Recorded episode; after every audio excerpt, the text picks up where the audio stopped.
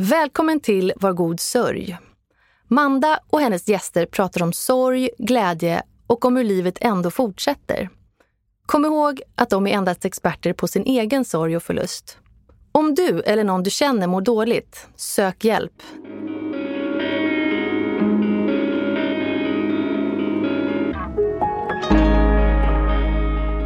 Ottilia låg fortfarande i sin mammas varma mage när pappa Matte lämnade henne för första gången. Ottilia föddes till ett hem fyllt av kärlek men hade ingen kontakt med sin pappa under 16 år. Efter år av längtan, sorg och saknad byggde hon upp ett ordentligt försvar runt sig själv. Så när hon träffade sin pappa för första gången var Ottilia ganska tuff och hård mot honom. Men allt eftersom de lärde känna varandra insåg hon hur lika de var. Relationen blev stark och pusselbitar som varit saknade under alla dessa år föll äntligen på plats. När hon ett par år senare själv blev gravid sköljde osäkerheten över henne. Hon vågade först inte berätta om graviditeten för sin pappa. Hon var så fruktansvärt rädd att han skulle lämna henne igen. Det gjorde han inte. Inte då. Nu ska ni få höra undersköterskan Ottilia berätta sin historia om att ha ett hål i hjärtat och en stor saknad efter sin pappa.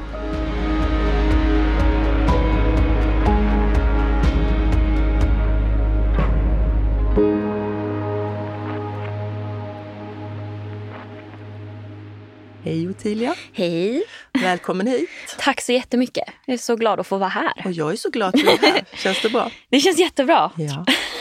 Idag ska du få berätta din historia Mm. för oss. Det jag har fått berättat för mig av mamma är att de hade ju varit ihop i kanske tre år, två, tre, ändå ganska länge. Och sen blir mamma gravid. Det var inget planerat. Och eh, min pappa var inte redo för det. Så att han valde den enkla utvägen att lämna mamma och mig då i magen. Och eh, såg, ja, såg det som den enkla utvägen helt enkelt. För att han blev rädd på något sätt, tror jag. Mm. Så eh, det har ju varit rättegång om allt för att han har ju valt att han vill ju inte vara min pappa överhuvudtaget. Han vill inte finnas i mitt liv alls. Jag finns inte och det är det som har varit en stor del av min av min uppväxt och det här frågetecknet att varför vill inte han att jag ska finnas? Varför är han inte stolt över mig, att jag finns och den kärleken liksom. Så det är det som jag har jobbat med i så många år med att inte känna mig som ett misstag eller ett misslyckande från honom liksom. Som jag har förstått i äldre år att mycket av det som har hänt är ju på grund av det liksom. Men du, din mamma pratar ju mycket om din pappa. Mm. Ja, gud. Alltså mamma har ju aldrig hållit honom hemlig utan har jag haft frågor har hon alltid berättat om honom och, och sådär. Men jag har inte riktigt haft det behovet när jag var liten. Jag har haft så mycket kärlek av min familj i Skåne och vänner och jag har en helt annan typ av familj. Och eh, ja, så att det var väl runt lågstadiet när jag fick en fråga av en lärare när vi skulle berätta om våra familjer och hur de såg ut. Och jag berättade att ja, jag bor med min mamma och jag har släkt i Skåne och allt det där. Och hon började ifrågasätta mig väldigt mycket. Ja, har inte du en pappa? Varför har inte du en pappa? Och det var där och då som jag började inse att oj, det är något konstigt med mig. Jag har en pappa, en förälder som inte vill ha mig. Han vill inte att jag ska finnas så han, han berättade till alla förutom min farmor att eh, de fick inte ha kontakt med mig. Jag finns inte.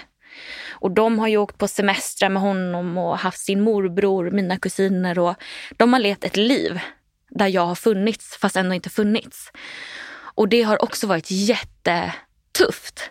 För att mamma har ju kämpat ekonomiskt för att vi ska ha det bra. Vi har ju liksom levt i barnfattigdom kan man ju säga. För att han har vägrat betala underhåll och ja, jag fanns inte liksom. Så um, man fick ju växa upp väldigt snabbt. Hur gammal var du när den här läraren... Jag gick i trean på lågstadiet. Vad är man då? Typ Nio, åtta, nio, åtta, nio någonting. Så känslig ålder. Ja men precis. Och jag kommer ihåg att det tog så hårt på mig. För att som sagt, jag har ju aldrig tänkt på att han inte har funnits på det sättet. Det har inte varit något konstigt. Och så kommer jag ihåg att jag gick hem till mamma och berättade det här. Jag, bara, jag fick så konstig fråga om min lärare. Hon frågade så mycket för jag blev så ställd. Och mamma blev ju rasande och bara så här hörde av sig till läraren och bara du ska inte lägga dig i det här. Och, men det var då hela den här att jag kände mig misslyckad och som ett misstag. Hela den resan började. Då började det här hålet i hjärtat att öppna sig liksom och alla funderingar och frågor började komma liksom.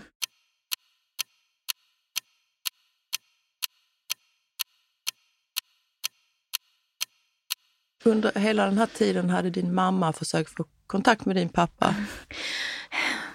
Nej, alltså grejen är att det, det jag har hört innan är att han har ju någonstans ändå innerst inne har han ju velat ha en relation med mig. Men han, han har varit så osäker och så ung i sig själv och väldigt osäker själ. Så att han, han har ju själv försökt ta kontakt fast han har låtsats vara andra personer och, och sådana saker. Så att nej, det, hon har väl försökt liksom men inte fått någon respons av honom riktigt. Hur menar du att han var andra personer? Nej, men han, när mamma var gravid med mig och hon eh, jobbade på en förskola så ringde han dit och låtsades att han var Mattes killkompis som skulle fråga om massa grejer om graviditeten och, och så. Fast hon hörde ju att det var han som ringde. Att han inte kunde stå upp för sig själv liksom. Och, okay.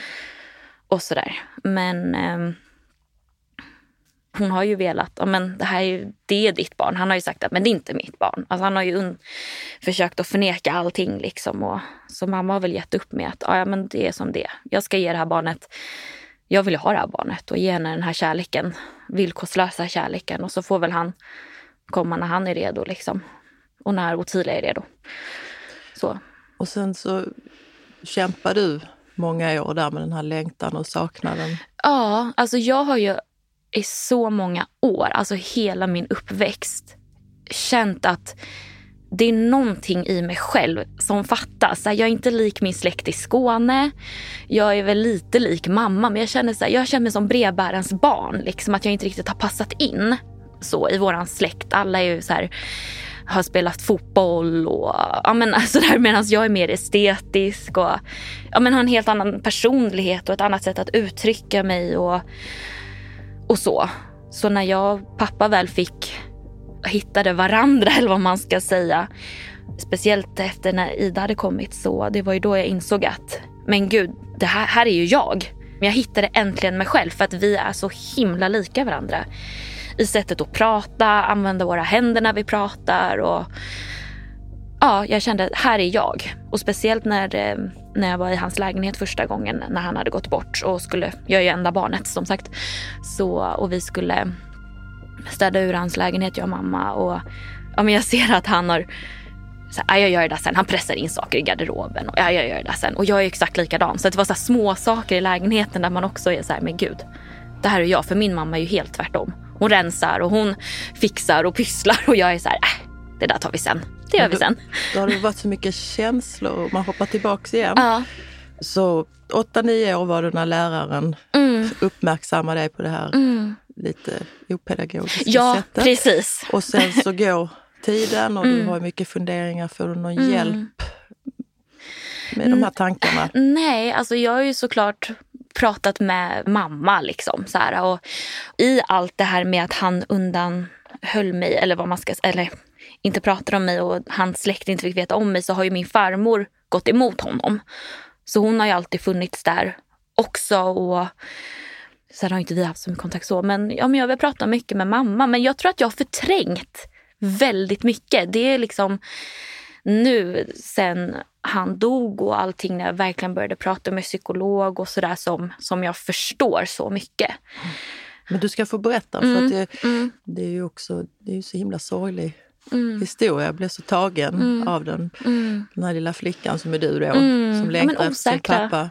Jag vet ju att ni träffades igen, för du har berättat. Men du får berätta, hur, hur var jag tror jag var runt 16, 14, 16 där någonting.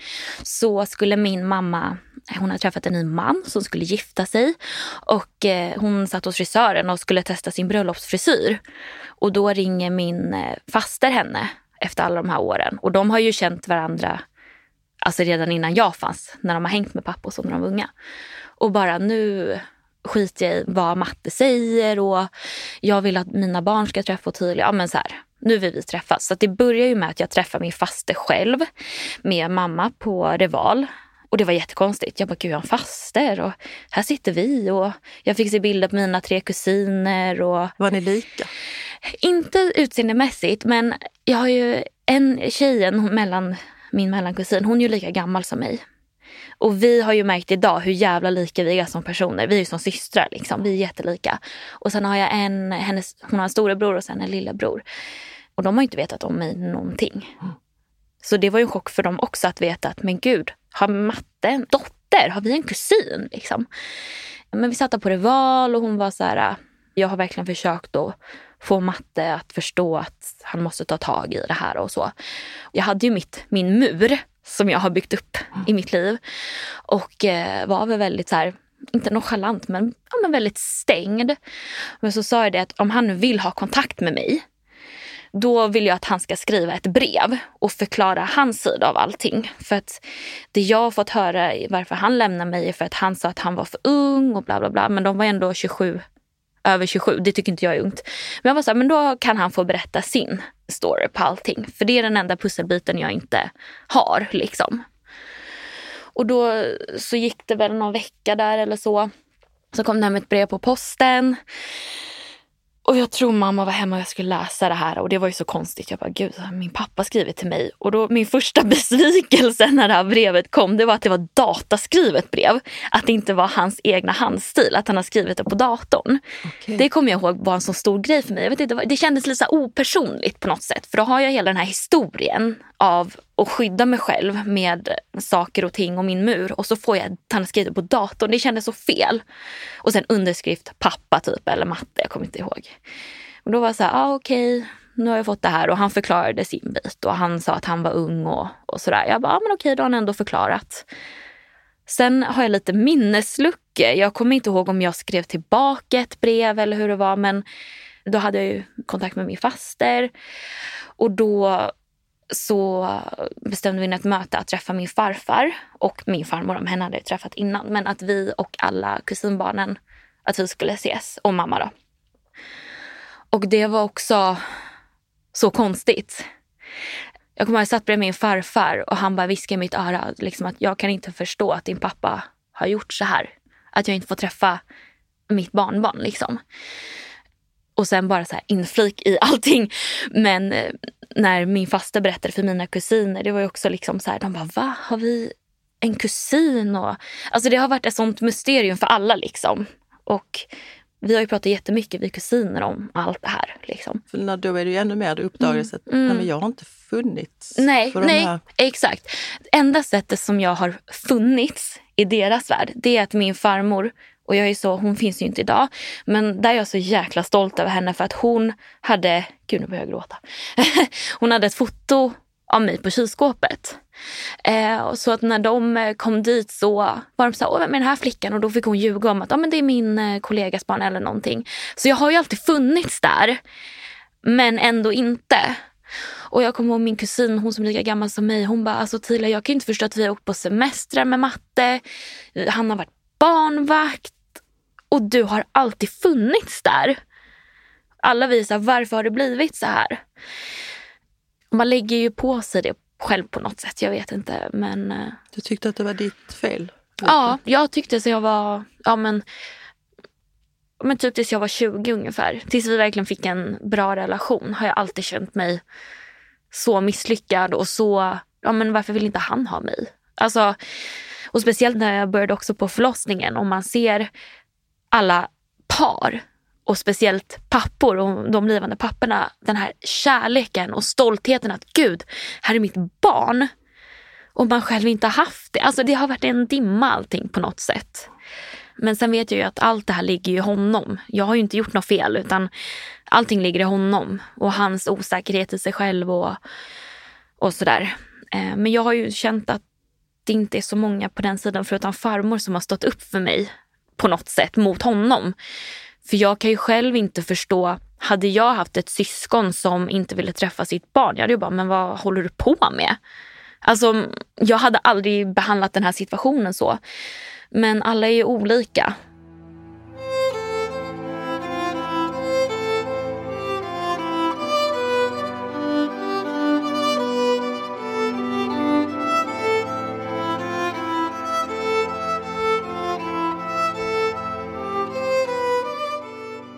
fick ju brevet Mm. och sen träffades ni. Precis, sen träffade jag ju min farmor och farfar och mina kusiner och min faster och så gick det några veckor till. Jag har lite så dåligt minne men jag kommer ihåg att jag skulle träffa... Jag, Tror du att du har det där dåliga minnet för att du förtränger? jag tror det. För att allt det där är en dimma på något sätt. För att det är så mycket känslor i det. Ja, med mina murar liksom. Men jag kommer ihåg att jag träffade honom och jag tror att det bara var jag, mamma och pappa då, då som träffades på Söder. Och det var också så här, jag kommer ihåg jag typ höll hårt i mamma för att hon är ju min största trygghet i allt det här.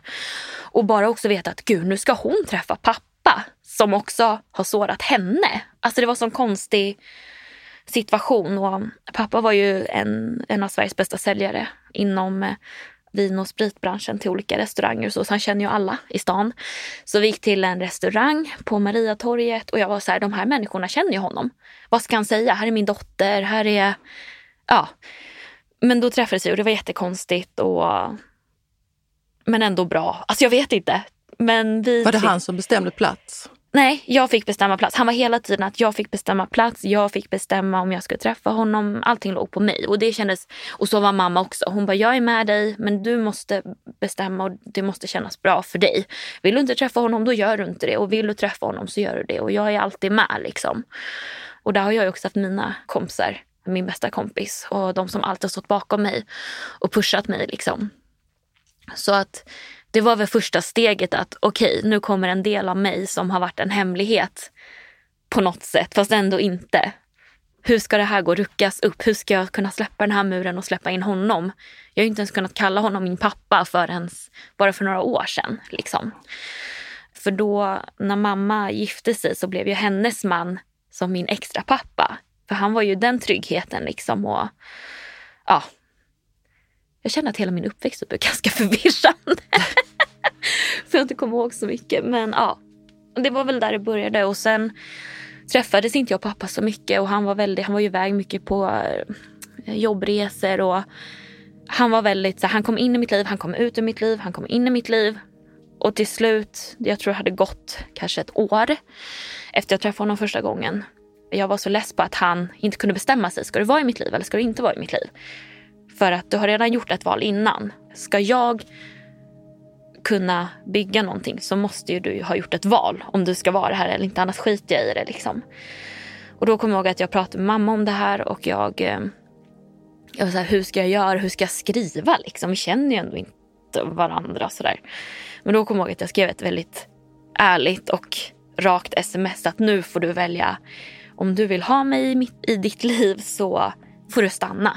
Och engagera dig och lägga energi i det lika mycket som jag gör. För det har också varit tufft för mig. Det har varit jätte, jättetufft att träffa en människa som jag alltid har känt inte har velat ha mig. Liksom. Så det var väl där vår resa började. Då fattade han någonstans att okej, nu har jag chansen att ta igen det som jag missat typ. Du är så snabb Ottilia. Ja men jag, Så vet, jag babblar jag ju. ska- Nej, men jag är så nyfiken Ja. på... Jag tycker du är väl jätte... Jag är som min pappa, jag babblar och babblar och babblar. Ja. Nej, men jag tänkte, för när ni träffades där, när du höll så hårt i din mamma Mm. och ni träffades första gången. Var det ett möte där du fick... Då har du beskrivit att du var lite byggt upp din mur och lite Mm. Precis, tuff och hård. Och Mm. Var det ett långt möte och fick du veta någonting? Eller?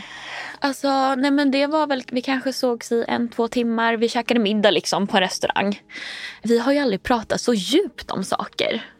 Utan jag tror bara att jag pratade lite om min familj och Skåne och, och allt det där. Det var inget djupt så, utan vi bara sågs, ja men träffas för att träffas liksom. Men du var 16? Ja, jag var runt 16. Ja. Precis. Och sen vet jag att efter det här så träffades ju mamma och pappa själva också för att gå igenom vad är det som har hänt då.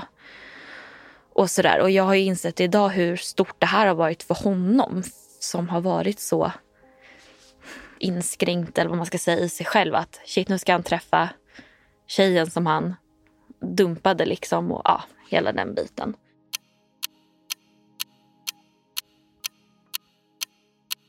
Beskrev du ju att han kom fram, fram och tillbaks och sådär lite. Han visste kanske inte riktigt vad han Nej. skulle... Vilket måste ju gjort så mycket, skapat så mycket oro Ja. i dig. Att Ja. har jag honom nu eller har jag inte honom? oro och ilska. Och jag har fortfarande svårt med det. Så här, äh, att folk kommer och går. Alltså de utnyttjar ens tid. typ. Jag blir så här, om du ska vara i mitt liv, då engagerar du dig. För jag engagerar mig i människors liv. Är du så både med kompisar och killar eller är det mest? Det är nog mest med killar faktiskt. Eh, så. För att det här har ju byggt upp en grund i en osäkerhet när det gäller män och man har dragits till en viss typ av kille och sådär. Mina kompisar de har alltid stått där, de kommer alltid att stå där. Så att jag har aldrig känt det med dem. Men just när det gäller nya relationer, killrelationer och, och sådär. Hade du någon kompis när du var liten som du kunde prata om det? Du menar om pappa? Ja. Ehm, alltså egentligen inte så. Det var mest många bara som tyckte att situationen var konstig. Det känns som du var lite ensam. Jo, men jag har varit ensam faktiskt. Mamma både jobbade och pluggade så att jag fick växa upp snabbt. Jag var hemma själv jättemycket. Fick lära mig laga mat tidigt och diska och ja, men liksom. Jag blev en ensam varg för det var någonstans min trygghet. Sen är det klart när man började skolan och jag träffade min bästa kompis i högstadiet. Det var väl då man liksom började leva lite. Och, Men eh, Så det har satt lite spår i, ja, i dig. Så, Men när valde han, när kände du att han nu, nu stannar han? Din pappa alltså? Ja men precis. Det måste vara runt när jag var 19-20. För jag kommer ihåg när jag tog studenten så, han ville ju inte, ja, det var ju så nytt allting eller vad man ska säga. Så att mamma hade ju skickat lite bilder på mig och sådär äh, från studenten. Men det var väl runt när jag var 20 tror jag som vi verkligen, våran grej var ju att gå ut och äta middag på nice ställen och dricka gott och, och sådär. Det är liksom bådas intresse typ eller vad man ska säga. Men det var där man kände att båda kunde slappna av och så här, sitta på en restaurang, prata, äta god mat, prata om livet och, och sådär. Och jag gick ju i en gospelkör under den här perioden och han började ju komma på våra uppträdanden och, och sådär. Så att det började ju lite smått där var runt 1920 som vi börjar bygga upp någonting. Och jag tror också att han förstår där att vi är så lika varandra. Vi har något speciellt. Så. Vad var de största likheterna som du såg och Alltså, han såg? Någonstans känns det själsligt bara att vi är så lika varandra. Men sättet vi pratar, vi tänker på samma sätt om saker och ting. Vi är bara lika på något sätt. Vi har ja, samma tankesätt. Vi pratar likadant, vi ser världen likadant. Vi blir arga för samma saker och ja, så. Jag tror att det är det. Fint. Ja, Ja. absolut. Och sen, eh, du blev ju... Nu ska vi se det kom, när blev du mamma höll jag på att men... Eh, jag blev mamma när jag var 22. Jag skulle fylla 23. Hon är född i mars. Så jag skulle fylla 23 i augusti. Så, och då kommer jag ihåg att eh, jag och eh, min dotters pappa hade åkt på resa med hans familj. Och han hade friat till mig och, och jag var ganska nygravid. Och sen när vi kom hem så var jag så här, shit, hur ska jag berätta det här för honom att jag är gravid? Kommer han lämna mig för att det blir för mycket känslor av allting från när jag var liten? Eller kommer han att stanna? Det här är liksom eldprovet på allt. Och vi skulle gå och äta på restaurang på Skanstull och jag hade gått igenom med mamma så här, hur ska jag säga? Jag vet inte vad jag ska göra. Och jag kan ju inte dricka alkohol liksom. Han kommer ju märka direkt att det är något som är fel. Och eh, ja, men så pratade vi om förlovningen och, och sådär först. Och lite allmänt. Och sen ganska snabbt innan, jag tänker innan servitrisen kommer och frågar vi ska dricka. Då måste jag bara säga det. Jag måste bara få ut det. Och han blev så jävla glad. För att du hade trott... Jag trodde ju att han skulle dra och inte vilja se mig någon mer för att det blir för mycket som att han inte har bearbetat sig själv. Att det skulle bli för mycket minnen med det här barnet och han ska bli morfar och hade han, klarar han det, den pressen liksom. Vad mycket tankar du hade. Ja, jag har haft jättemycket tankar. Och jag är ju en tänkare, alltså verkligen. Men han tog det så fint och han var så stolt. Och sen den dagen har ju han alltid funnits där för mig och för, för Ida, då, med min dotter. Liksom alltid frågat hur går det med graviditet. Han har varit så stolt. Och det var jag inte beredd på. Han har liksom byggt upp mer och mer ett förtroende i mig. Och det har betytt jättemycket. För att jag känner att jag har inte behövt göra det utan det är faktiskt han som är vuxen och har gjort det. För i början kunde jag ju känna att, att jag var den vuxna i han och min relation på något sätt. Som ställde frågorna och fick vara hård liksom. Men nu var det han som, som äntligen blev lite den vuxna på något sätt. Och nu tog du faktiskt ett djupt andetag. Var det så ja. det kändes? ja, ja, faktiskt. Du fick vara flickan? Ja, nu fick jag vara hans barn. Och jag kände mig första gången som hans dotter. Som jag aldrig har känt innan. Och jag kommer ihåg när vi har varit, vi käkade mm, julbord hemma hos min farfar och han var så stolt och liksom tog på min mage. Han var så stolt över mig och över Ida. Och, Visste ni då att det var en liten flicka också? Eh, ja, det visste vi. Ja, mm. Också lite speciellt. Precis, exakt. Så, ja. När föddes Ida? Hon är född den 9 mars 2020. Nej, vad säger jag? 2018. 2018. Ja, hon är född 18. Jag är ju så himla glad över att hon har träffat sin morfar och att han har fått träffa henne. Och de har ju haft en sån fin relation till varandra och han har alltid stöttat henne och sagt behöver hon någonting, vad kan jag göra? Och vi hade ju våra, när jag var mammaledig så hade vi en gång i månaden att han alltid kom på lunch hem till oss när hon var hemma och det bara var vi. Han stängde av sin jobbtelefon och det bara var vi liksom. Och de stunderna har betytt jättemycket. För att då fick jag en lugn pappa. Han har ju alltid varit säljaren och varit uppe i varv och tjena tjena och, och sådär. Men då var han han och jag var jag och Ida och ja. Så de stunderna har betytt jättemycket för oss båda tror jag. Tänkte du sådär ibland, nu sitter han där med min dotter, mm. men han skulle suttit där med mig? Eller var du då helt inne i att nu är det så Nej, här? Nej, men de tankarna har ju absolut kommit så. Men jag har också valt att stoppa undan dem. För att jag känner att jag har ältat det här så mycket, så många år i mitt liv.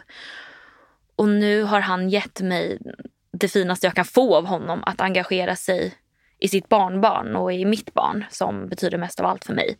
Och, eh, och lite glad för hans skull att han kanske får ta igen det. Alltså så här, det är det här du har missat. Ett barn liksom. Allt det här har du missat när hon lär sig gå, när hon skrattar, när hon, ja men hela den biten. Så att jag också varit så här, nu får du lära dig, nu får du se vad du har missat. Ja men lite så. Men jag la det i en liten box och mm. nu är vi här och nu liksom.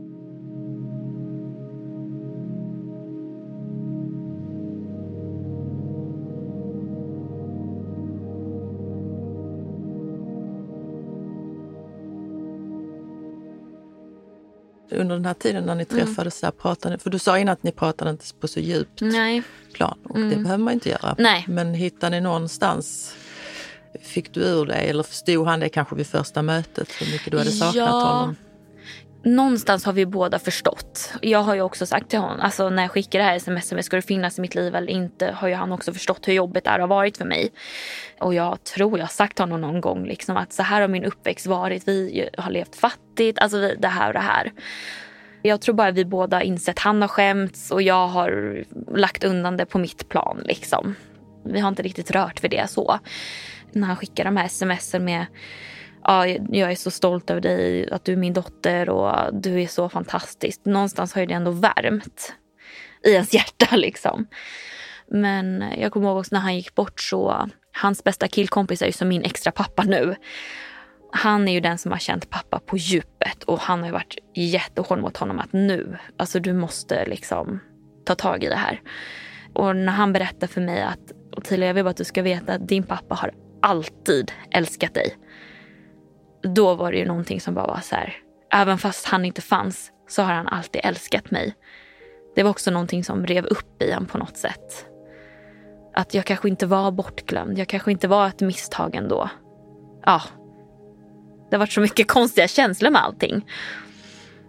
Så, ja. Så nu sa du ju det, mm. din pappa gick bort. Ja, precis. Och för då hade ni liksom fått den här fina relationen och mm. han försvann inte när Nej, Ida han kom var kvar. och han var kvar. Mm. Och vad hände här sen? Nej men vi pratade ju varje dag nästan. Och var det att man inte fick tag på honom var han så här, ja men jag skickar sms och, och sådär. Och sen 2020 eh, kom ju pandemin Och eh, allting började med att min morfar som bor i Skåne blev ju dålig och blev inlagd på sjukhus. Och han har betytt jättemycket för mig också, min morfar. Och man fick inte komma och hälsa på. Och mamma fick till slut komma till sjukhuset. Och det var en jättekonstig situation att sitta där med ens döende far och i visir och allting. Så morfar gick bort och eh, vi skulle åka på begravningen i eh, Skåne då. Och ehm, pappa dog ju på nationaldagen 2020.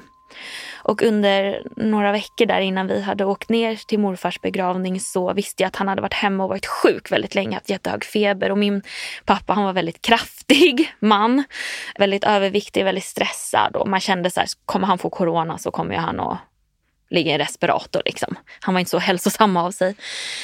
Han hade haft jättehög feber i ungefär en och en halv vecka. Och vi hade varit på honom med att ja, men du måste åka in till sjukhuset och, och sådär. Men ja, det blev lite missförstånd med sjukvården och sådär.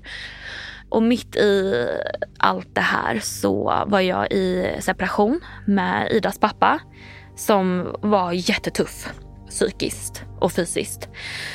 Så jag kommer ihåg att jag skrev, jag och pappa vi smsade lite under tiden vi var i Skåne och på begravningen och han bara, men vi ses när du kommer hem, var nu där och sörj morfar och så pratade vi när du kommer hem och sen var jag så här, men nu måste jag ju berätta för honom att vi också håller på att separera. För det, jag tänkte han var så sjuk så att jag, jag ville säga det när jag kom hem. Och jag var så här, aha, och vi har ju alltid varit lite skämtsamma mellan varandra så jag var så här, haha by the way så ligger jag i separation nu, mitt i allt. Och då blev hans ton jätteallvarlig och bara, vi måste ses när du kommer hem. Och sen eh, tror jag att morfars begravning var en torsdag eller en fredag och pappa dog på lördagen då, på nationaldagen. Och då skulle vi, innan vi åkte hem då, det här var på söndagen dagen efter, så när jag fick reda på det, då skulle vi åka hem. Så då skulle vi åka inom morfars grav och bara säga hej då allting. Och mamma får ett telefonsamtal och då är vi på kyrkogården med Ida då som är två, min moster och eh, min morfars syster och mamma då. Och mamma får telefon och hon börjar liksom gå ifrån lite och jag märker att hon blir jättekonstig. Jag följer efter och hon bara liksom skakar bort mig och säger jag kommer, jag kommer. Och då tänkte jag direkt att ska det här handla om mina kompisar hade de ringt mig. Jag, bara, jag visste att det här handlade om pappa. Och så tänkte jag bara så här, nu ligger väl den jäveln i respirator. Alltså lite så här skämtsamt liksom. Eftersom att jag visste att han hade varit så sjuk. Och så sitter vi där, ja, så är vi där vid morfars gravsten, alla utom mamma. Och eh, hon bara kommer fram i typ panik och tårögonen. Jag bara okej, okay, nu har det hänt någonting. Och hon bara säger, jag vet inte hur jag ska säga det här tydligen, men Matte har dött.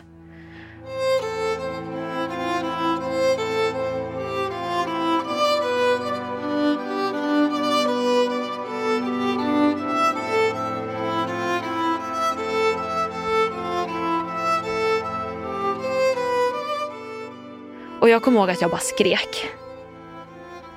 Och samtidigt vågar jag inte visa för mycket känslor heller eftersom att liksom Ida är där. Hon är en väldigt klok tjej så att hon har ju förstått väldigt mycket saker och ting i väldigt ung ålder. Och jag var redan så himla skör eftersom att jag var i den här separationen. Morfar har dött som jag inte ens hann säga hej till för att det var corona. Och nu helt plötsligt har min pappa gått bort. Jag pratade ju med honom bara för någon dag sedan på sms. Jag bara, hur kan han ha gått bort liksom? Han ska inte gå bort nu. Och det var samma dag som vi skulle åka hem och jag kommer ihåg att alltså, det var bara en dimma. Jag visste inte ens vad jag skulle ta vägen och ja. Det var bara så konstigt allting. Och sen att skriva bara till chefen att ja, by the way så har min pappa gått bort nu. Jag kanske inte kommer på ett tag. Ja, och eftersom att jag är enda barnet då börjar ju hela den, den resan liksom. Att separation och dödsfallsresan liksom. Så tre män försvann ur ditt liv ja. under samma månad? Mm, jag det... tror att det här det är kanske en fem månaders intervall mm. med allting. Under samma år? Ja, precis. Och eh, ja, hur kändes det? Det var skit. Och jag kände, ja men det är väl det här jag förtjänar. Alltså ingenting har varit lätt i mitt liv så jag är så här, ja ja. Det, bara... det var det första du tänkte? Ja, jag var så här, hit me. Alltså, så här. Och så kände jag direkt sorgen i att fan, vi har precis lärt känna varandra och hittat varandra, jag och min pappa. Och nu är han borta. Det var ju ingen som visste. Han dog av sig självt. Alltså hans hjärta orkade inte mer. Och eh, det jag fick veta av läkaren är att det gick snabbt och han har inte lidit. Och det var pappas bästa kompis som hade hittat honom. Han bodde på första våningen så att han hade liksom fönster ut mot gatan som var lite öppet. Och som sagt, ingen fick ju tag på honom och det var jättekonstigt för att han brukar alltid smsa om han inte kunde prata. Jag ringer upp dig. Ingen hade fått tag på honom på jättelänge. Och hans bästa kompis bor i närheten. Han bara, men nu måste jag gå dit och se vad som har hänt. Liksom. Och han ropar på pappa genom det här fönstret och han svarar inte. Och han kunde inte komma in i lägenheten, han hade inga extra nycklar, han kunde inte klättra in heller. Men till slut så fick han tag på nycklar till lägenheten och hittar honom avliden i köket. Och eh, jag bara känner, alltså mitt hjärta bara slog för hans bästa kompis. Jag bara fy fan att hitta sin bästa kompis avliden i köket. Han började göra hjärt och lungräddning och han sa det att pappa skulle precis öppna han har precis öppnat liksom en dricka och korken var kvar i handen och drickan stod kvar på bordet. Så han hade bara handlöst fallit bak liksom. Så han var ju så här, det här har inte han gjort själv utan det är någonting som... Hade du tankar på det, att han kanske hade avslutat sitt liv? Nej, jag tror inte för att jag känner så här, nu när vi äntligen har kommit till den här platsen så skulle han inte göra det. Utan det är något annat och man visste ju att han var väldigt sjuk. Och han berättar ju inte så mycket men både jag och en av hans bästa kompisar misstänker ju att han har haft något typ av... Han dog ju dels av en lunginflammation och eh, av hjärts, han har haft någon typ av hjärtsvikt som har gjort att hjärtat orkar inte mer. Liksom. Bara veta att nu får jag aldrig mer träffa honom. Jag har äntligen hittat mig själv och det är bara borta. Och mitt i allting med att slita med min separation, jag hann aldrig sörja, jag hann aldrig förstå vad som hade hänt. Man bara levde i ett vakuum på något sätt. Att vi måste sälja vår lägenhet i Tyresö och jag är ju enda barnet så nu ska vi, måste jag fixa pappas lägenhet. Och mamma fick ju lägga bort sin sorg från hennes pappa som har gått bort för att hon valde att vara vid min sida och hjälpa mig och det är så fint. Så att hon har ju tagit igen det idag liksom. Hennes sorg i allting och hennes, ja men att pappa försvann och det har också varit jobbigt för henne att han har gått bort. Och man, ja. Det märker man ju när du berättar att din mamma har varit, betyder väldigt mycket för dig. För jag tänker, hon ja, har ju också, gud, ja. eftersom du har ju varit tonåring, mm. hon har tagit hela den där mm, tiden och precis. hela din sorg. Och nu Mm. berättar du att hon också la undan sin Mm. sorg. Mm. Du snuddar ju lite vid innan att du och Idas pappa Mm, inte, nu lever inte ni tillsammans. Nej, nej. Hur kändes det när ni separerade? För du behöver ju inte gå in på hur det gick Mm. nej, till. Men nej. tänkte du på din pappa? Fick du sådana tankar om separation från din pappa? Ja. Alltså, det viktigaste för mig sen jag var liten är att dagen jag får barn, då ska mitt barn ha kontakt med sin pappa. Det har liksom varit det största i mitt liv. Och sen var det som det var under vår separation och eh, det ledde till att Ida första tiden bara träffade sin pappa varannan helg och jag blev ju så rädd att jag var nej, ska det här upprepas för henne också? Ska hon också gå igenom det här? Nu har ju allting blivit bra liksom men jag kände ju att man svek henne på något sätt med våran separation. Och som sagt, hon är en smart tjej. Hon har ju fattat från början att separation, att morfar har gått bort. Hon har ställt så mycket frågor över morfar och varför jag inte pussar hennes pappa längre. Ja, men liksom, många är ju så här, ja men hon var så liten så hon kommer inte ihåg. Men hon har ju fattat allting hela tiden. Så att Samtidigt att orka vara en mamma mitt i en separation, mitt i ett dödsfall och jag själv fick covid under den här perioden. Jag förstår faktiskt inte hur jag har orkat det.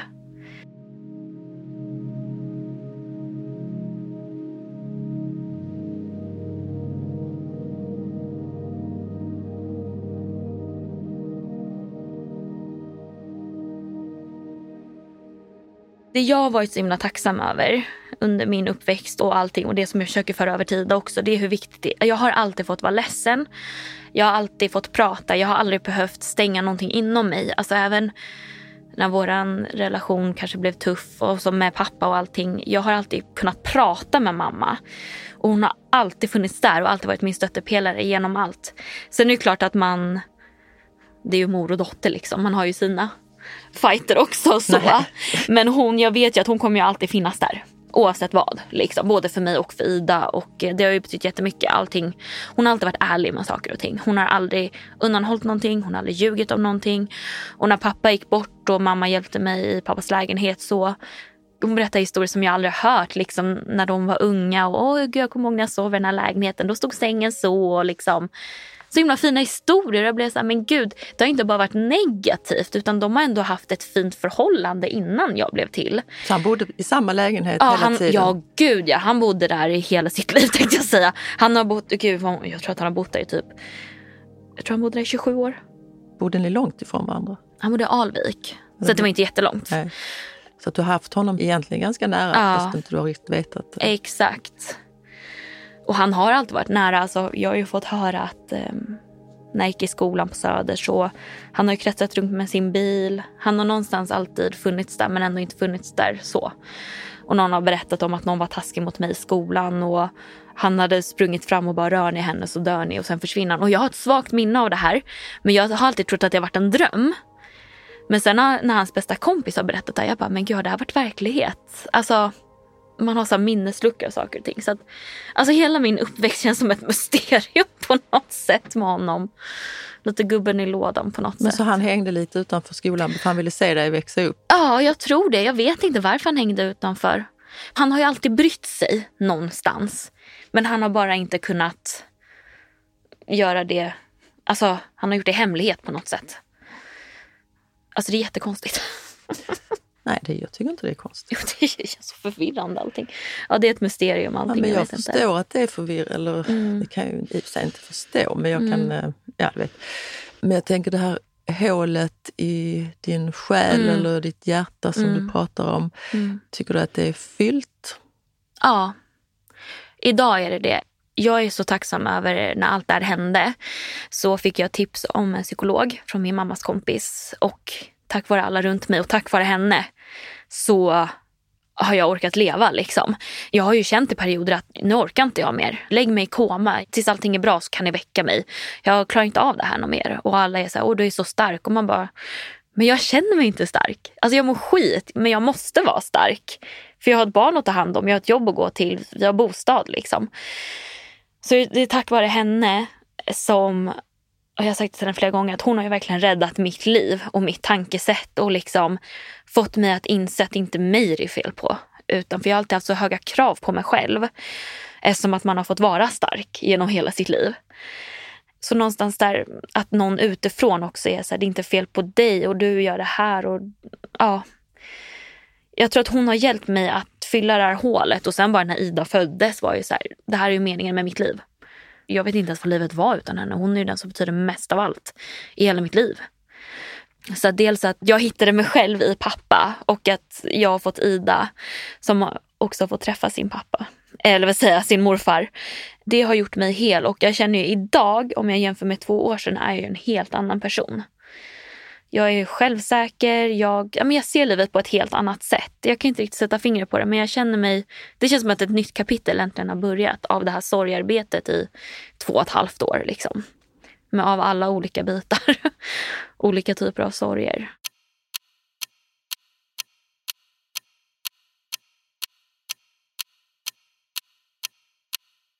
Under det här sorgearbetet, har du varit arg på din pappa under den tiden? Alltså egentligen inte tror jag. Nej, jag har bara haft en sån jäkla stor saknad. För att jag känner att vad gör jag nu när den här delen någonstans försvinner av mig igen? Som det har gjort under min uppväxt. Men jag har byggt upp den delen så starkt. Och vi fick en sån stark connection och sån stark relation att den har hållit sig kvar. Liksom. Och jag vet att han alltid är runt oss. och Tråkigt nog känns ju allting som en mening på något sätt. Men hade han inte gått bort, då hade jag ju inte haft möjlighet att köpa en ny lägenhet till mig och Ida, kunna gå vidare med våran framtid. Och det känns jättehemskt att säga, men ja, han var klar liksom på något sätt. Men jag är skitarg på att han, det är klart att jag har varit arg. Jag har varit så här, varför drog du nu? Var det dags att dö nu? När vi äntligen har hittat varandra. Men eh, allting har väl en mening på något sätt. Men när du blir så här arg och ledsen, vad gör du med alla de känslorna då? Men idag så pratar jag om dem. Det är då jag ringer min psykolog och pratar om det. Och jag är ju en sån människa. Jag bygger alltid upp allting tills jag spyr ut det. Eller vad man ska säga. Tills det bara väller över mig. Så att jag begraver det och sen sköljer jag ur det. Jag pratar om det och sen går jag vidare typ. Och det lär du Ida nu också? Ja precis, exakt. Nej gud. Jag menar att prata. ja, att prata, exakt. Inte att uh, Inte begrava, det. begrava det i sig. Nej, men att prata och verkligen när hon har ställt frågor om, om sin morfar. Ja, men när kommer han tillbaka? När kommer han ner från himmelen? Alltså, hon har varit med liksom både på min morfars begravning, på pappas begravning. Hon har ju ändå varit med hela tiden och hur viktigt det är att det är begravning, man är ledsen, det är okej att sörja och sen går livet vidare. Liksom. När jag har blivit jätteledsen så har jag inte gått undan utan jag har ändå visat henne att det är okej att vara ledsen. Och jag är ledsen nu men sen kommer jag bli glad igen. Och där har ju mamma och min bästa kompis varit ett stort stöd i det också. att men Nu är mamma ledsen och det är okej att vara ledsen. Och jag och Ida diskuterar och pratar om saker jättemycket hela tiden. Och ja, jag försöker ge rum för henne att prata om hur, hur mår du idag och vad har du tänkt på någonting? Eller, ja. Är det ett råd som du skulle vilja ge till andra? Det att prata och inte stänga in? Ja, verkligen. Det är jätte, jätteviktigt. För det är så man lär känna sig själv. För jag har ju ifrågasatt mig själv. Bara, men varför känner jag så här? Eller varför är det så här? Du har också gått med mycket känslor även om mm. du har mm. haft människor runt dig mm. så har du ju, det pratade vi om innan, att du mm. varit ensam, att du mm. haft de här känslorna. Mm. Och när du berättade om din pappa så lät det nästan som att du var äldre än din pappa. Ja, och det har ju precis. Jag har ju alltid varit väldigt jag har en gammal själ som de säger. Jag har alltid varit för mogen för min ålder. Jag känner mig alltid äldre än vad jag är. Så där har ju allting varit svårt. Det har också varit jobbigt att inte få vara barn eller att gå runt med de känslorna. Och eftersom att man har den här uppväxten så var jag ju väldigt blyg när jag var liten. Väldigt, jag vågade inte ta för mig så mycket. Och sen när jag själv fick barn och Ida är helt tvärtom, då kände jag så här, men gud, vems unge är det här? För att hon bara tar för sig av livet liksom. Så att jag tror mycket av hur jag var när jag var liten, när jag var så instängd och så, är ju mycket på grund av det man har gått igenom. Liksom. Som man inte riktigt har förstått på något sätt. Det är nu på äldre dag jag har förstått att okej, okay, det här är anledningen till att jag har varit så. För jag är helt tvärtom idag. Idag är jag öppen, jag är inte blyg alls. Och jag kör på liksom. Det känns ovanligt typ. Det kanske kan vara skönt också för personer som har varit i din mm. sits eller som är, mm. kanske är yngre just nu och inte har mm. någon förälder i närheten att veta mm. hur det kan se ut. Mm, och du är ju, jag tycker du är en otroligt eh, modig mm. kvinna. Tack. Och jag ju, ser ju dig och din mamma mm. och eh, lilla Ida på stan, eller mm. du är. Ja. och då är det ju du och din mamma, sen är det Ida ja. 13 meter jag framför. Ja, oh, min livs energi. Alltså gud, jag lever mitt liv genom henne. Oh. Hon är verkligen allt. Och där har jag ju också frågasatt mig väldigt mycket under min separation. Om vi nu skulle separera och hela den här resan börja som jag var med om när jag var liten varför skulle vi då få barn? Men hon var ju meningen att komma för att hon har ju, jag hade aldrig klarat av allt det här utan henne på något sätt. Hon fick mig att orka leva genom allting. Hon måste upp, vi måste gå ut. Jag kan inte bara ligga hemma och vara ledsen. Livet måste ju gå vidare och liksom, hon har ju ett liv och hon ska få vara glad och, och sådär. Så att, eh, ja det är något speciellt med den där tjejen alltså. Hon får en att orka. Vi pratar mycket om bemötande här i det här programmet ja. också. Du berättar ju om, nu slänger jag mig tillbaka till när ja, du var liten. Men eh, det här bemötandet från skolan kändes mm. ju inte helt eh, Nej, modernt. Nej, verkligen inte. Utifrån, har du fått bra hjälp från, har du märkt liksom från föräldrar till kompisar eller från kompisar? Nej, alltså det är just där hon frågasatte mig sådär i skolan. Men annars så har folk förstått att ja, men så här är situationen och ja, det har inte varit något ifrågasättande så runt om. Liksom. Jag har ju känt mig ensammast i världen när det gäller för att även om de som var i min ålder i min klass då hade separerade föräldrar så hade de ju fortfarande en mamma och en pappa. Jag hade ju bara en mamma. Så jag känner mig ganska ensam i det, att bara ha en förälder som bryr sig om en. Och de levde ju bättre än vad man själv gjorde och sådär. Men eh, sen när jag tittar tillbaka så jag har ju också en syssling som har levt hon har också bara haft en mamma. Liksom. Så att det har ju ändå varit nära mig men ändå inte på något sätt. Men jag har känt mig ganska utanför tror jag. Det är ju svårt också, det här var ju ditt liv. Ja, det är precis. att hoppa in i någon annans. Ja men precis, ja. exakt. Men nu i alla fall, ja. i alla fall ja. Eh, så vet ju jag att du jobbar som undersköterska mm. på en förlossning mm. i Stockholm. Mm. Där jag ju har fått äran Mm. att vara din kollega. Mm. Det känns också, du sa du ju också att du har fått ett nytt självförtroende. Mm. Så nu, vad händer nu? Nu är det ny lägenhet. Exakt, ett helt nytt kapitel är på gång och jag har aldrig varit så taggad som nu. Och jag trodde aldrig att jag skulle må så här bra efter allt den här skiten som har varit. Men jag och eh, Ida ska äntligen få flytta in i vår egna lägenhet i Tyresö. Hon har ju sin connection och går i förskolan där och har familj där och så. Så jag ska få flytta hemifrån igen. Så det känns ju väldigt trevligt. Och pappa, Idas pappa bor ju också Ja, där han bor i Tyresö. Precis. Och jag älskar ju den kommunen och det här lugnet. Jag behöver bara det där lugnet. Och sen så har jag ju fått, ska jag börja på en ny arbetsplats. Och det är så mycket nytt nu och eh, för att vara en ensamstående mamma när det gäller alla tråkiga bankärenden och sånt där så har vi fortfarande ekonomin att kunna ha ett jäkligt bra liv. Och det är jag så tacksam för eftersom att man ser vad man själv har gått igenom när man var liten och inte hade så mycket pengar. Jag kan faktiskt ge mitt barn det som jag inte fick på det sättet. Liksom. Sen kärlek får hon ju överöst av. Men just när det gäller att om hon vill hitta på saker med sina kompisar eller ja, man behöver inte vara så stressad över ekonomi och sådär. Och det känns väldigt skönt också. Jag är mer avslappnad nu än vad jag varit innan. Man har alltid kämpat och jag kan ta motgångar på ett helt annat sätt för att jag har liksom byggt upp mig själv. Och, ja, jag har blivit Ottilia 2.0 känns det som. Vad skulle du vilja säga till din pappa om han hade funnits här idag? Åh gud. Att jag saknar honom så fruktansvärt mycket och att jag älskar honom hur mycket som helst. Och det går ju inte en dag utan att inte tänka på honom. Jag har fortfarande kvar liksom hans klocka och jag kan kolla tillbaka på bilder på honom och Ida och jag är så tacksam över att han har varit så en himla fin morfar. Alltså det känns ju som att han fortfarande lever på något sätt. Han är ju så närvarande i mitt liv ändå. Men jag saknar ju såklart att ringa honom och säga att jag älskar honom och att vi ska ses på lunch. Eller få goda råd om saker och ting. Men ja. Om du aldrig hade träffat din pappa, Mm. hur hade det känts tror du? Då hade jag nog varit kvar i det här mysteriet från när jag var liten och ha det här hålet tror jag. Den tanken har ju själv slagit mig nu bara de senaste månaderna. Att hur hade det varit att vara i hans lägenhet om jag inte visste vem han var? Alltså alla de här känslorna, vad hade hänt då? Ja.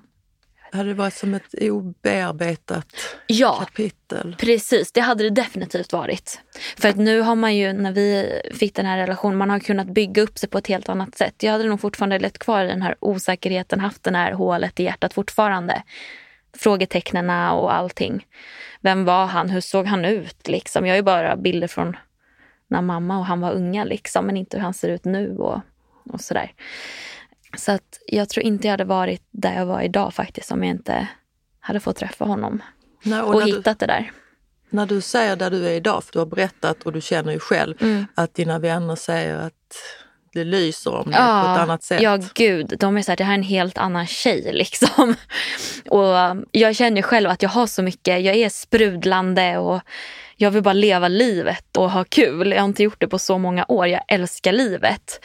Och att de som är nära mig också ser det och bekräftar det.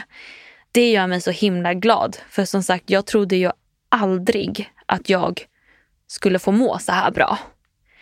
För att det har alltid kommit någonting emellan. Det är alltid något negativt som har hänt. Liksom. Men att idag få sitta här och, och må bra och kunna vara en bra förebild för Ida och, och sådär. Det känns helt fantastiskt. att vara stark med att vara ensamstående mamma och bara inom jobbet när vi har ensamstående mammor försöker jag alltid peppa dem med att livet är bra ändå. Liksom.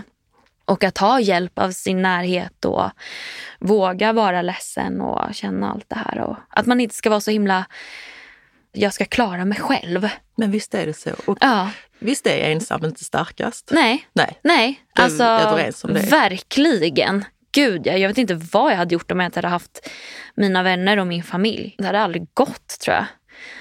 Och jag tror också om man är, nu har du ju själv sagt att du Mm. känner dig ensam ibland, men om man är ensam ensam, när man verkligen inte har någon, Mm. att just det här, har man ett jobb, att Mm. man kanske kan försöka ta tag i, Precis. i dem om Ja. det går. Det är svårt. Och där är jag också så himla tacksam över min arbetsplats. Att eh, Det är ju som min familj. Alltså där har man ju också fått utrymme att de har förstått en när man har gått igenom allting. Har jag behövt något extra stöd eller inte kunna göra det och det har man kunnat anpassa. De har alltid förstått den. Om jag har fått gråtattacker, det är okej att vara ledsen där. Det är okej att gråta. Och det har också betytt jättemycket i det här sorgarbetet eftersom att jag älskar min arbetsplats. Det är där jag spenderar så sjukt mycket tid av mitt liv. Att veta att vi också alltid finns där för varandra gör ju jättemycket än att gå och vara ledsen på jobbet och ingen förstår en. Och, och det är ju verkligen ett jobb där det är viktigt att visa känslor. Det är ju liksom alla släpper sina gränser där tänkte jag säga. Ja, jag På något att sätt. Där har ju du också, jag tänker, då har du haft mycket inom dig, förlossning Mm. som du Mm. jobbar med Mm. och eh, ja, allting som Mm. har med eftervård och hela Mm. Plocka undan lite känslor kanske när man är Precis. där för du trivs bra på Ja, ditt jobb gud ja. och sen plocka ut dem igen. Men att det finns mycket goda arbetskamrater. Och, Ja, och liksom alla vi som jobbar där har ju gått igenom livet på olika sätt. Och man har fått så mycket, hört så mycket livserfarenheter och folk som skiljer sig eller ja, allt möjligt. Liksom. Så där har jag också känt att man inte är ensam och man har alltid kunnat prata om saker och lärt sig mycket om livet och, och sånt där. Så alla som jobbar där är ju fan, det är girl power på vårt jobb. Det är, alltså starkare tjejer finns inte. Där är ju en och annan kille också. Ja det är det. Det, det finns det faktiskt. Han är också jättestark säkert. Han, en. Han. Ja. Bra. Tack Ottilia för att du kom hit Tack och berättade din historia. Mm. Tack. Var god sörj görs av Manda Ersgård och Stray Dog Studios.